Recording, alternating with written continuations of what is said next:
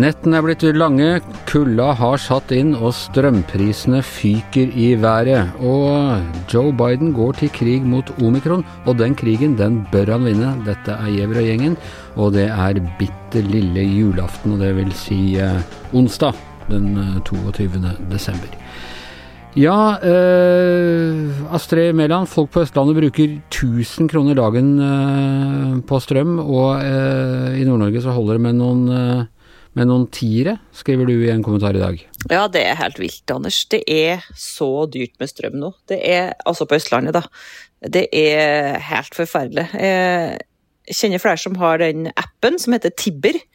Der kan du følge med time for time, og det tror jeg nesten er helseskade for folk på Østlandet nå. De sitter jo på jobben eller på hjemmekontoret og ser at ungene skrur på TV-en bare og får, får, angst, for det er så dyrt. Og folk diskuterer i sosiale medier om de skal på sats og dusj, og om det er eh, liker å kjøpe seg takeaway i dag, for det koster så mye å lage pannekaker eh, hjemme hvis du må fyre opp eh, komfyren i den dyreste timen. Så det her er helt, eh, helt eh, altfor alt for dyrt. Ja, men er, det, altså, er dette reelle eksempler? Er det så dyrt at du, at du reelt sett bør vurdere å eh, ikke lage mat eh, hjemme? Eller er det en slags overdrivelse på, på hele situasjonen? Nei, så Det er jo litt eh, vitsig inne i bildet her, og litt galgenhumor. Men eh, på den dyreste timen i, på tirsdag, eh, så kosta det over 8 kroner kilowattimen. Eh, på, på ettermiddagen var det vel, altså når alle sammen fyrer opp samtidig. Eh, og hvis du skal lade elbilen din, da, for eksempel, eh, så kan det være billigere å kjøre dieselbilen den dagen. Hvis du har to biler og du kan velge fordi at strømmen koster så mye. Uh, og så er det jo folk uh, som jeg har snakka med, som har forbruk som, uh, som ikke er unormal, men som har gamle hus fra etterkrigshus som ikke er så varme, og som har hjemmekontor, og som lader elbilen sin, som kommer opp altså, i regninga som er over 10 000 kroner i desember. Helt vanlige folk som ikke har noe luksusforbruk i det hele tatt. Men denne strømpakka som kom var det ikke forrige uke, og som skulle redde oss, hvor, hvor mye vil den virke inn? Ja, den kom jo, som du sier, forrige uke, ja. Og uh, den hjelper jo litt, da. Jeg sitter på ett eksempel uh, med en familie jeg kjenner, uh, som har Tibber-appen, og som får ca. 10 000 kroner, ser det ut som nå, da. I desember er jo ikke ferdig ennå.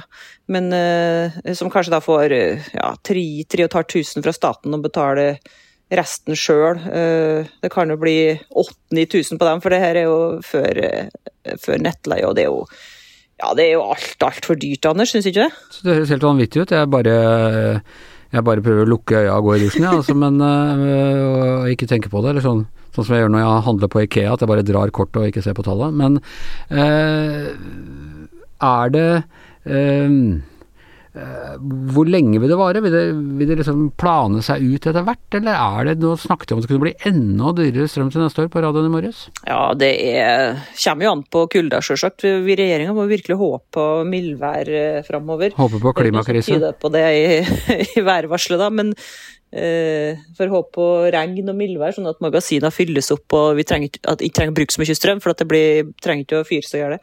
Og ja, det er dårlige, mange dårlige tegn. altså uh, Oppi alt det her da, så skal Tyskland uh, slå av to uh, atomkraftverk til nyttår, som er en del av den grønne energivendet i Tyskland.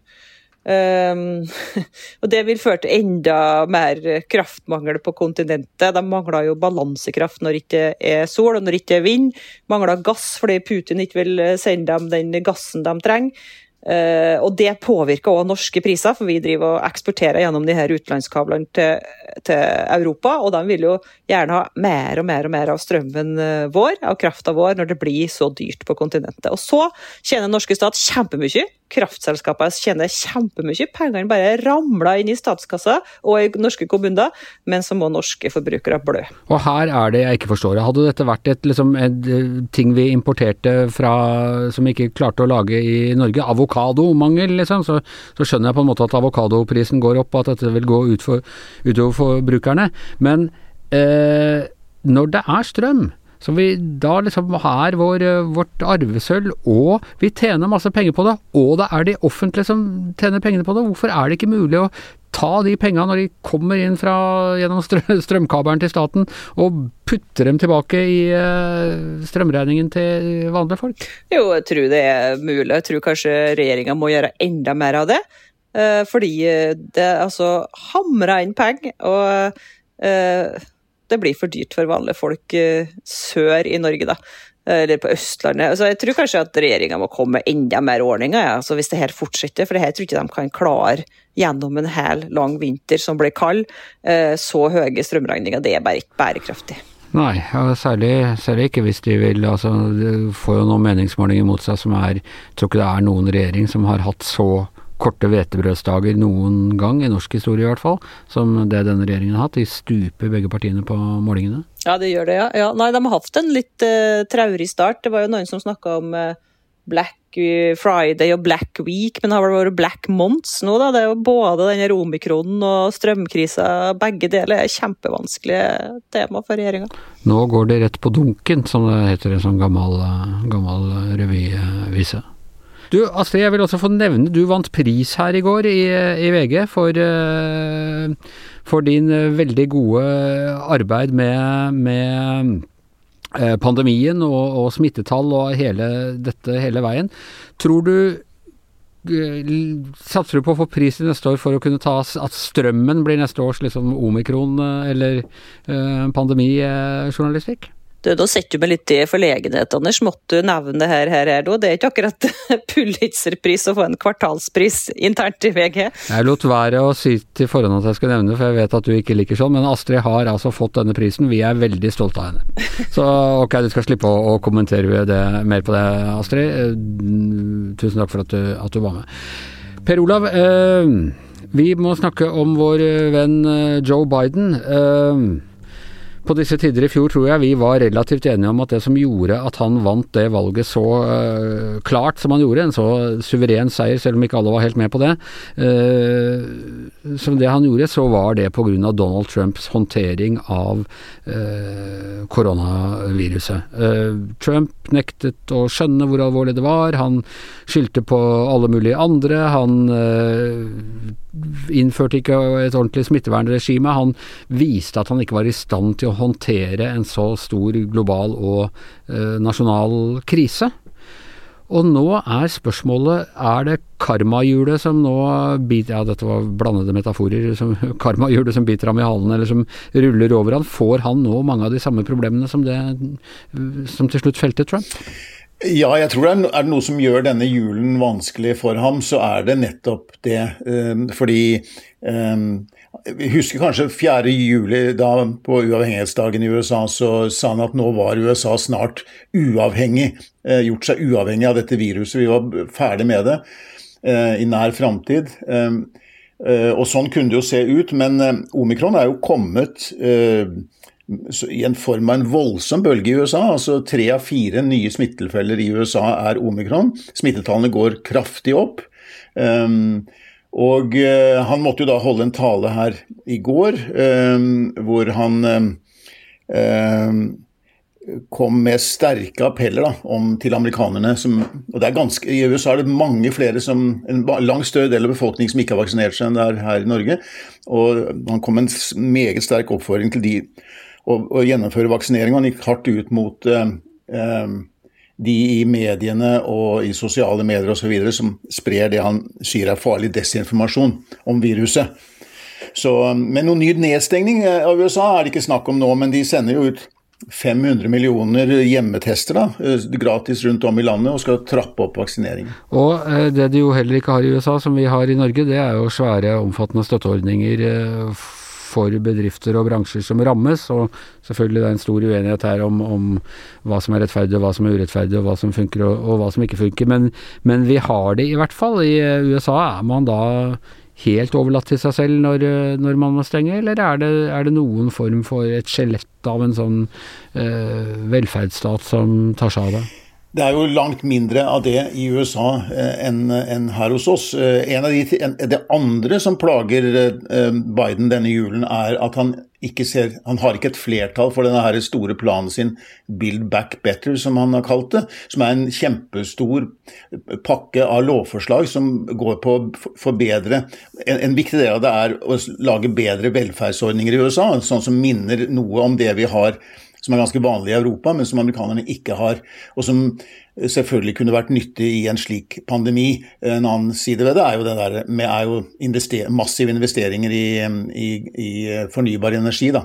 Men eh, nå mangler, nå mangler Biden én stemme i Senatet på å få det vedtatt. Ja, han mistet altså han Manzini Joe Manchin fra West Virginia. Mm. Ja, som var, som var liksom tungen, tungen på vek vektskålen, og som nå har uh, brutt ut av, av rekkene. Uh, du, En ting til må ta opp da med når det nærmer seg jul, og det er alltid en spesiell greie i USA hvor de da har hatt The War on Christmas, som har pågått helt siden uh, jeg tror siden, det er siden slutten av 90-tallet, men, men, særlig da på begynnelsen av 2000-tallet. Fox News og co. hevdet at uh, jula var under beleiring, og man fikk ikke lov til å ønske god jul lenger. Og det er noe med Merry Christmas som da altså går på Christ og, og, og Kristus uh, og sånne ting. og um, familien Trump hadde en egen måte å dekorere Det hvite hus på? Ja, absolutt. Det var jo Altså, jeg tror um Uh, dette her med det, den krigen mot, mot julen som, som, du snakker om, det var jo liksom en sånn tidlig utslag av dette som woke-fenomenet, uh, da. Som, uh, som, Trump grep begjærlig tak i som et fordi han mente at det var sånn uttrykk for at liksom de, de, tradisjonelle verdier og det som har gjort, eller som har kjennetegnet Amerika, og sånn, det forsvinner og er utsatt for en sånn liberal og radikal agenda som skal fjerne um, også julen. Han, eh, men han, eh, og det, derfor så var det en viktig sak for han i valgkampen og det der at han nå skulle, nå skulle la slutt på dette tullet med at det var politisk ukorrekt å si god jul. Nå skulle det tilbake igjen for fullt. Ja, det var selvfølgelig bare tull, fordi Obama ønsket jo alle Merry Christmas, han også. Men så har, så har liksom pyntingen av Det hvite hus også blitt litt en del av denne julekrigen. Melania pynta litt som om det var Uh, ja, jeg må si jeg syns det var ganske fancy, ja, men, men, litt sånn uh, Macy's uh, varemagasin Veldig, veldig kunstige type juletrær og sånn. Ja, altså det som, det, jeg tror det, det, var en sånn årlig ting som eh, mange så frem til når uh, Melania Trump skulle vise frem Det hvite hus, et julepyntet hvitt hus. For dette er en viktig sak for førstedamene tradisjonelt i USA. Der er amerikanerne veldig konvensjonelle. Det er liksom førstedamen som har ansvar for dette. Inntil USA eventuelt får en førsteherremann som ektefelle til en kvinnelig president, eh, så er, det, så er, det, hennes oppgave å gjøre dette. Og, og, og Melania eh, holdt på lenge, i flere måneder med det. Jill Biden startet allerede i mai med å planlegge hvordan det skulle se ut i Det hvite hus nå. Um, og det som var kanskje det mest sjokkerende utslaget, da var disse her blodrøde juletrærne som Melania Trump fikk satt opp i gangene der i Det hvite hus. Og for alle sånne smaksdommere, da, gjerne på øst- og vestkysten i USA, så var jo dette noe de så fram til hvert år, for da kunne de skrive om hvor dårlig smak Trump-familien hadde, og da spesielt Melania. Ja. Jeg må innrømme at jeg syns at det var, det var, noe av det mer forsonende med dem. At de røska litt opp i den derre eh, evige uh, amerikanske sentimentalitets julekort greia som slett ikke passer i, i Washington, som, hvor det, snøen aldri ligger mer enn 20 minutter eh, uh, uansett når det snør. Så lagde, lagde du en sånn litt mer Trollmannen fra Os-aktig dekorasjon. Kom i julestemning av den, jeg. Ja, men nå er vi tilbake i den der ja. nostalgien med Jill Biden, da. Så nå er det der, det, nå er det, der mer amerikansk normale, som betyr ganske overpyntet og, eh, og med, med, kunstig snø og med grønne glitrende og alt som hører til. Så eh, Men eh, Og eh, når det gjelder eh, julen, så har jo da Trump nå igjen vært framme og laget en sånn julespesial på Um, et av disse Newsmax er det vel, en av disse TV-selskapene han liker å være på, um, og har snakket om at nå er, det, nå er, det, igjen mulig å si god jul fordi jeg reddet julen. Um, og men det er jo noen som har påpekt at han sendte jo selv ut sånne eh, seasons greetings da han var forretningsmann for ti år siden. ikke sant? Det var jo, det var jo sånn de vanligvis gjorde. Det er en del andre religiøse, eh, religiøse tradisjoner òg som har høytider på den tiden av året. Trumps julespesial, den skal jeg få med meg, det er helt sikkert. Ja, det er Mike Huckaby som programleder, og det gjør det ikke dårligere. Og der er det lagt på sånn fin musikk i bakgrunnen når han snakker så beveget om hvordan han reddet julen. Ja. Så dette er bare noe å glede seg til. Jeg så Maria Carries julespesial her om dagen på en, en eller annen kanal. Jeg trodde den var uh, over the top, men jeg, jeg, tror, jeg, tror, at Donald skal klare det. Tusen hjertelig takk skal du ha, Per Olav. Tusen takk til deg, Astrid. Begge dere i hvert deres hjemmestudio. Jeg sitter her i studio og heter Anne Skjever, og mannen som har pynta dette studio med stilsikkert øye, er som vanlig produsent Magne Antonsen.